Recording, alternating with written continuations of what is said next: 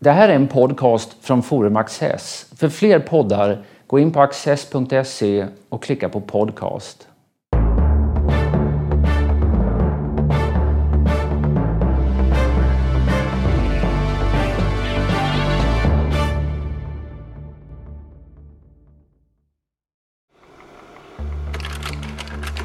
Winston S. Churchills författarskap är nästan oöverskådligt. Han skrev uppemot 50 böcker, inte sällan omfångsrika flerbandsverk. Hans tal, alltid i skrift formulerade, är åtskilliga och stundom legendariska. Dessutom finns en enorm mängd korrespondenser, beslutsdokument och promemorior. Erik Hedling, professor i filmvetenskap vid Lunds universitet, samtalar med Peter Luttersson. När Winston Churchill fick Nobelpriset i litteratur 1953 så började man genast att säga att det där får han ju bara för att han var en stor statsman. Men eh, Churchill är inte vilken skrivande politiker som helst. Nej, det är han verkligen inte. Han gav ju ut en stor mängd böcker, 43 stycken tror jag, under sin, eh, under sin eh, livstid och var ju ständigt skrivande och var ju beroende också av skrivandet för, sin, för sitt uppehälle och redan från slutet utav, utav 1800-talet.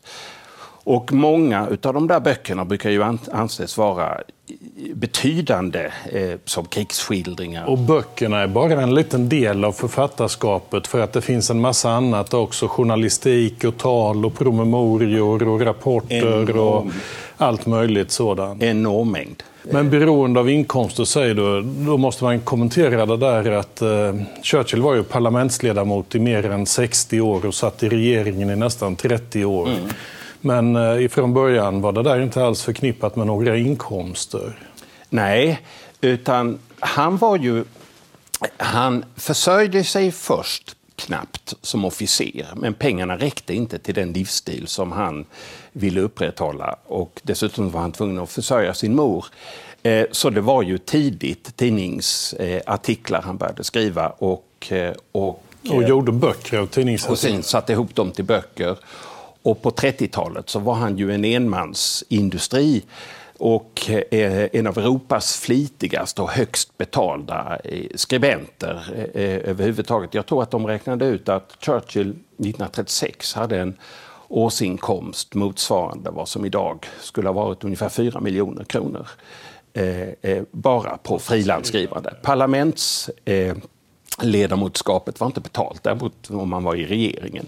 Men det räckte, han hade ändlöst behov utav, utav pengar för att ha tjänarstaber och hans, minst, inte minst hans livsstil som var mycket dyrbar.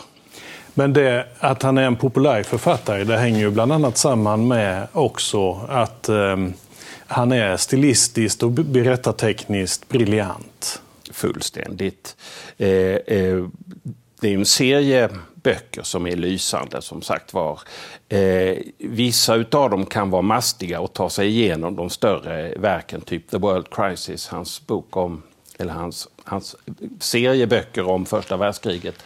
Likadant hans i fyra volymer långa biografi över anfadern, eh, hertigen av Marlborough eh, och så vidare. Så det är ju jättestora verk.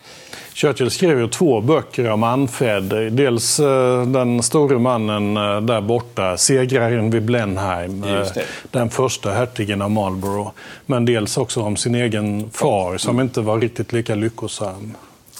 Pappan var inte riktigt lika eh, lyckosam som sonen så småningom blev. Och, och inte som Marlborough heller? Inte, inte, absolut inte som Marlborough. Marlborough var ju en engelsk general som gjorde karriär i, i gardet. Han bytte sida några gånger och, och eh, det brukar allmänt anses att han fick sin eh, ställning genom att erbjuda sexuella tjänster åt en dam som var beryktad vid tiden för sin, sina sexuella utsvävningar. Alltså grevinnan av Castlemaine som var Karl IIs före detta älskarinna. Hon hittade i 40-årsåldern den 19-årige John Churchill och hjälpte honom att göra karriär. Sen visade han sig vara en av sin tids absolut främsta fältherrar med segrarna Blenheim, Oudenard, Ramier. Och, och, fick då möjlighet att eh, bygga detta väldiga slott där Churchill, alltså vår Winston Churchill, ja, är född. Vilket var en gåva från den, från den brittiska staten. Mm. Alltså för hans eh, tjänster till nationen under det spanska tronföljdskriget. Medan fadern var en mycket, mycket kort tid eh, finansminister. Ja, och hade också i och för sig, han hade ju också en, en lysande politisk karriär, men, men, men Eh, Eh, och slutade som finansminister, vilket ju inte var så dåligt, men i, i den churchillska familjen är bara det högsta eh, gott nog. Men fadern drabbades ju tidigt av syfilis och, och, och dog ju ung. Om man tittar på, vi sa att eh, Churchills karriär den börjar ju inom det militära och det gör det delvis därför att eh, det var det som återstod. Han, eh, han var inte något skolljus, han var eh, dålig, hade svårt framförallt för till exempel matematik och så. Det fanns ingen universitetskarriär för honom, eller universitetsutbildning överhuvudtaget. Utan efter ett par försök så kom han in på Sandhurst och blev kavalleriofficer. Ja, pappan det berättar ju Churchill alltid själv att, att eh, hans pappa thought him too stupid for the bar. Det vill säga han kunde inte bli eh, jurist. Eh, och eh, när han kom in på militärhögskolan var det på det som ansågs det, det högsta statusen var alltså ingenjörstrupperna. Eh, och kavalleriet hade då börjat minska i betydelse. Så det var det som var lägst status och dessutom så var det ganska kostsamt för att man måste hålla sig med egna hästar. Mm. Ehm, I, det, I den bok, man kan säga att Churchill lever ju i två tider egentligen. Dels det här sena 1800-talets viktorianska England och sen det som blir efter första världskriget. Han, han eh, skriver i sin självbiografi, eh, Min ungdom från slutet av 20-talet, eh, precis vid 30-talets ingång att eh, ingen generation har upplevt så stora förändringar som vår generation. Eh, och så beskriver han den här världen när han blev kavalleriofficer, hur man hade blå, eh, uniformer i blått och guld och plym i hjälmen och, och sabel och, och red till häst i olika formationer och sådär. Eh, han, hans tidiga karriär eh, inrymmer ju att han reser till vissa platser där det är krig. Första gången han är under beskjutningen på Kuba där han är som mm. observatör. Sen är han i Indien och är med i, en, eh, i strider uppe i ett område som ligger där på det som idag är gränsen mellan Pakistan och Afghanistan. Mm. Och sedan i Sudan där han också är med om ett stort kavallerislag. 21 Lancière-regementets anfall vid Omdurman, ja.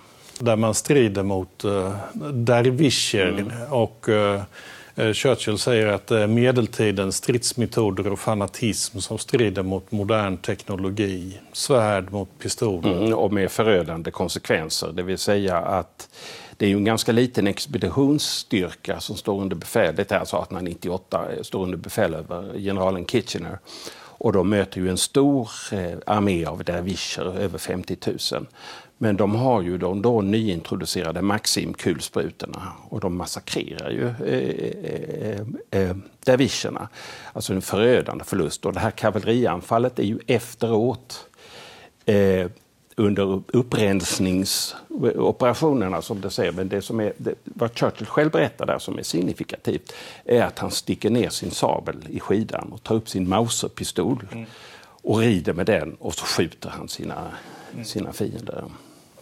Men om de här eh, erfarenheterna i Indien och Sudan så skriver han sina två första böcker. Det underliga är ju att han är en officer som, som är eh, på plats för att vara officer och delta i militära aktioner.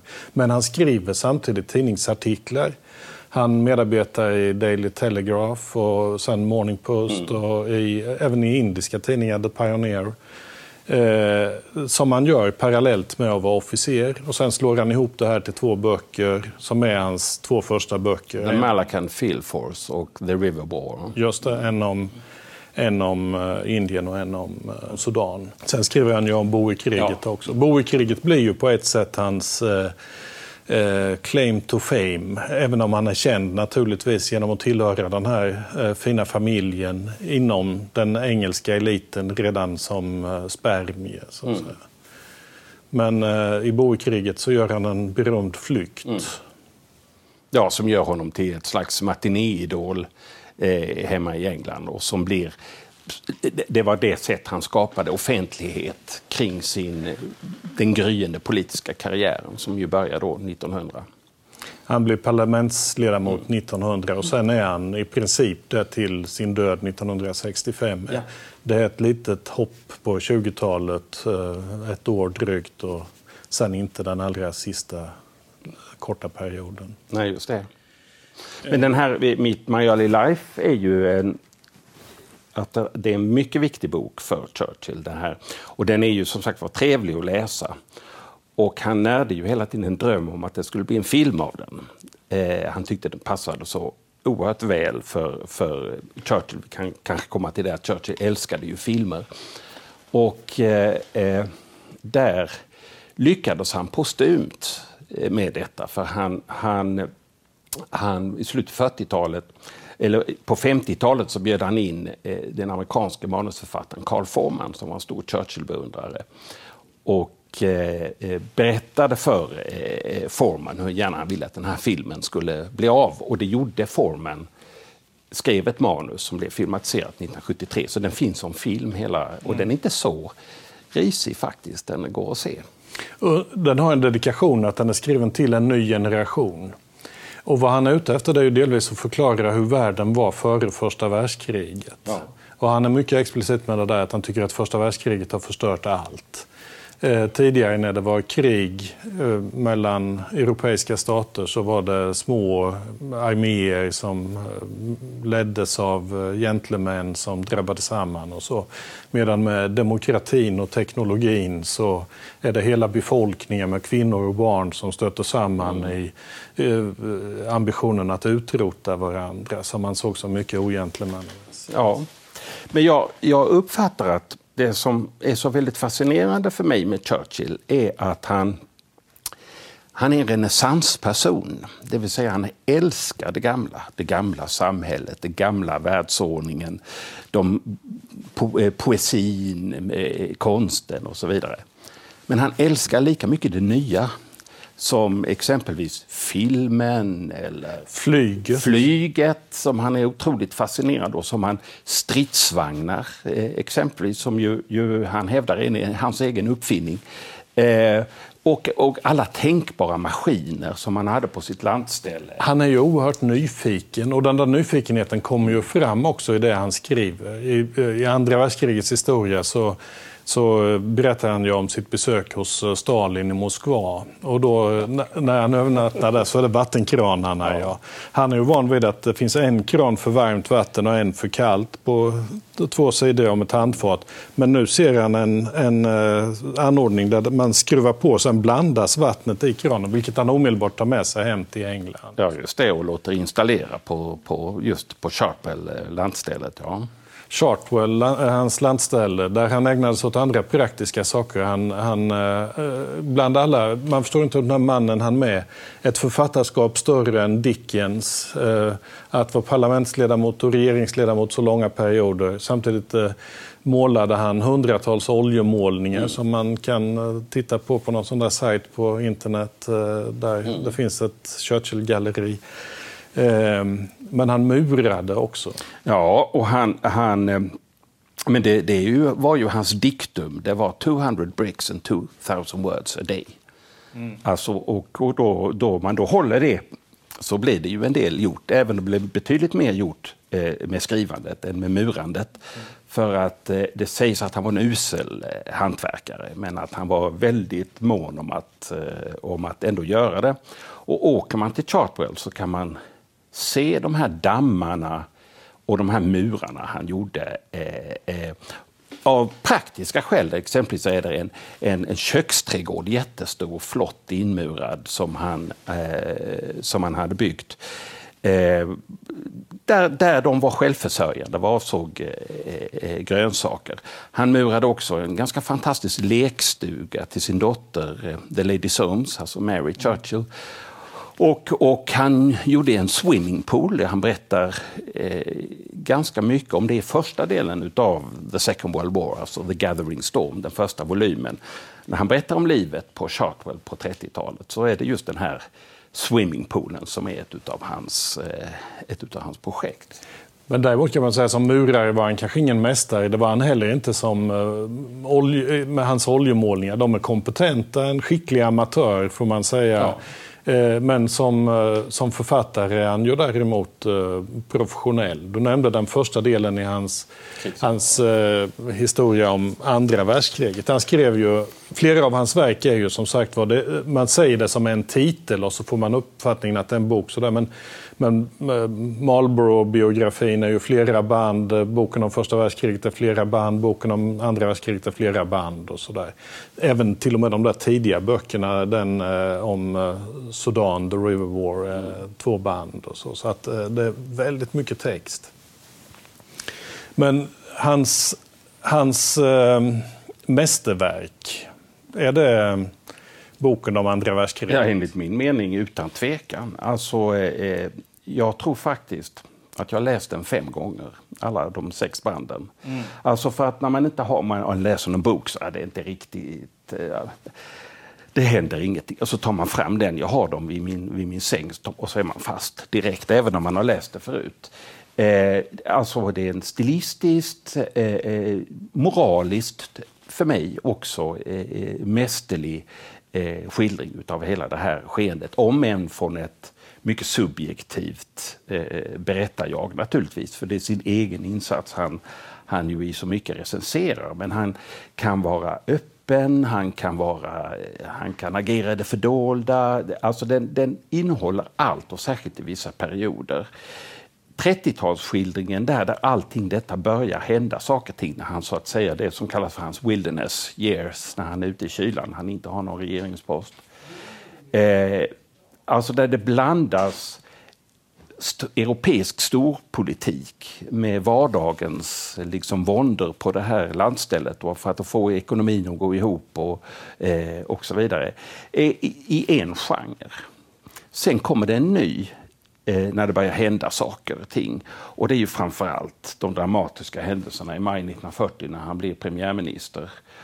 Och sen fram till slaget vid El Alamein i oktober 1942. Eh, som är, det, där, där, är det, alltså, det är bland det bästa jag läst eh, överhuvudtaget. Alltså, det är så ändlöst spännande och, och kraftfullt och tragiskt. Alltså man känner de här förlusterna som han genomgår hela tiden. Eh, sen tycker jag den blev sämre i segern. Alltså efter november 42 så gör de så vinner ju de allierade allting. Men fram till just det här Även om den innehåller intressanta teman då tycker jag också. Till exempel mot slutet när han resonerar om hur Europa ska bevara sin ställning. Churchill är ju mest känd för det där järnridån, att världen delades upp i två. Ja. Men eh, hans tankefigur var ju egentligen att eh, det fanns eh, tre olika världar Nämligen USA där borta, Sovjetunionen där och sen så fanns Västeuropa någonstans emellan som inte helt kunde uppslukas av USA utan borde få ha en egen ställning. Och det kunde man bara få genom samarbete. Ja. Eh, Churchill var ju öppen för politiska allianser. I början av kriget fanns det där att man faktiskt skulle gå in i en eh, regelrätt union med Frankrike. Mm. Eh, I slutet av kriget så talar han om behovet av en europeisk union som är mer maximalistisk än den europeiska union vi har idag. Ja, om jag uppfattar honom rätt så började han inte förstå vad som höll på att hända. Alltså från början, och den här perioden jag då beskrev från maj 40 till november 42, det är ju överlevnad. Det handlar ju bara om att Storbritannien ska eh, överleva det här kriget, förödande kriget mot en makt som eh, otvetydigt på många sätt är starkare, Tyskland. Sen så efter det så börjar det stora temat i boken, det som han kallar för alltså nedgången, det, det som för honom är det tragiska fallet, det är nämligen att Sovjetunionen tar över eh, Östeuropa, som han försöker bekämpa på alla sätt och vis. Eh, dels genom sina taktiska och strategiska, rent militära överväganden, men också i sitt diplomatiska spel. Det får inte ske. Det får inte ske att Polen kommer under ett kommunistiskt styre, exempelvis. Och där finns ju en rätt hård kritik mot USA i slutet. Ja, han han, Inbäddad i alla lojalitetsförklaringar. Ja, men... alltså det är ju så att han är ju ändå, han är ju då ändå arkitekten bakom det som han själv kallar för The Grand Alliance. Det är en allusion på för förfadern, den stora alliansen, ja just det. The Grand Alliance och, och mellan Sovjetunionen, Förenta Staterna och, och Storbritannien. Sen förstår han mycket snabbt att han är lillebror i det här förhållandet. Alltså det är två supermakter vars resurser Storbritannien inte kan matcha. Och med det så försöker han ändå att ändra utvecklingen i Östeuropa. Men amerikanerna hjälper honom inte beroende på att i USA ser man Sovjetunionen och Storbritannien som två jämspelta stormakter och att det blir USAs roll att medla mellan dem i, en framtida, eh, i, i, i ett framtida politiskt scenario. Istället för som det i verkligheten blev med Storbritannien som kommer emellan. Eh, så att säga. Och sen har ju USA redan från 1941 när Roosevelt och, och Churchill drar upp The Atlantic Charter, alltså den här överenskommelsen, så är ju Roosevelt stenhård på att ett krigsmål är att alla folk ska ha rätt att bestämma över sig själva. Och det är ju en förödande Och det är ju klausul. det som blir ett eh, svek mot de baltiska staterna sen ja. som litade på att ja. det där skulle gälla. Och så. Ja. Men om man går vidare lite i hans författarskap så någonting som han hade börjat skriva innan första världskrig, eh, eller andra världskrigshistorien, det var ju den här allmänna historien om de engelsktalande folken som egentligen är en en, eh, ja, ett försök att kartlägga hur den eh, individuella frihetens politiska tradition ser ut. Absolut. Och den började han skriva på 30-talet men den ges ut, avslutas och ges ut på 1950-talet. Ja. Men längre tillbaka, det finns ju allt möjligt. Det finns reseskildringar, det finns biografier, mm. eh, det finns mycket sån här självupplevd historia. Han skriver eh, också den här boken som blir på något sätt ett test på att skriva om ett världskrig. Boken om första världskriget som inte är lika välberättad men innehåller sådana där eh, eh, Churchillska i sin attityd. Till exempel när han kommer på att slagfälten bör, slagskeppen bör ha en eh, tyngre bestyckning. Det gör han när han ser en boxningsmatch. Han ser en filmatisering av Jack Johnson. Eh, som har slagstyrka. Fruktansvärda eh, tungviktsmästare. Och han skriver att Johnson har punch. The battleships also must have punch. Mm. Men den boken är inte lika stark som... Eh, det beror ju delvis på att eh, hans roll inte blir lika gloriös. Nej, han skriver ju den i ett underifrån perspektiv. Det vill säga att han blev 1915 skandaliserad för att ha varit förslagsställare. Det är väldigt viktigt för mig att han var inte, han är ju inte operativ chef i det som han senare får ta ansvar för att han misslyckades med. Men han är ju den som föreslår. Och misslyckandet man... var det här invasionsförsöket i Gallipoli ja. Eh, i, i, Turkiet. Ja, och, men det var ju inte han som ledde styrkorna på plats på något sätt utan det kom från honom det här förslaget men högsta brittiska militärkommandot accepterade ju idén. Accepterade idén men genomförde den inte enligt den Nej plan som också Churchill Nej. hade bifogat till. Och då var han ju tvungen att eh, förklara detta och det gör han på ett par tusen sidor. Eh, kan man säga. Eh, nej, den har inte, och det är inte samma lyft i prosan heller. Det är inte samma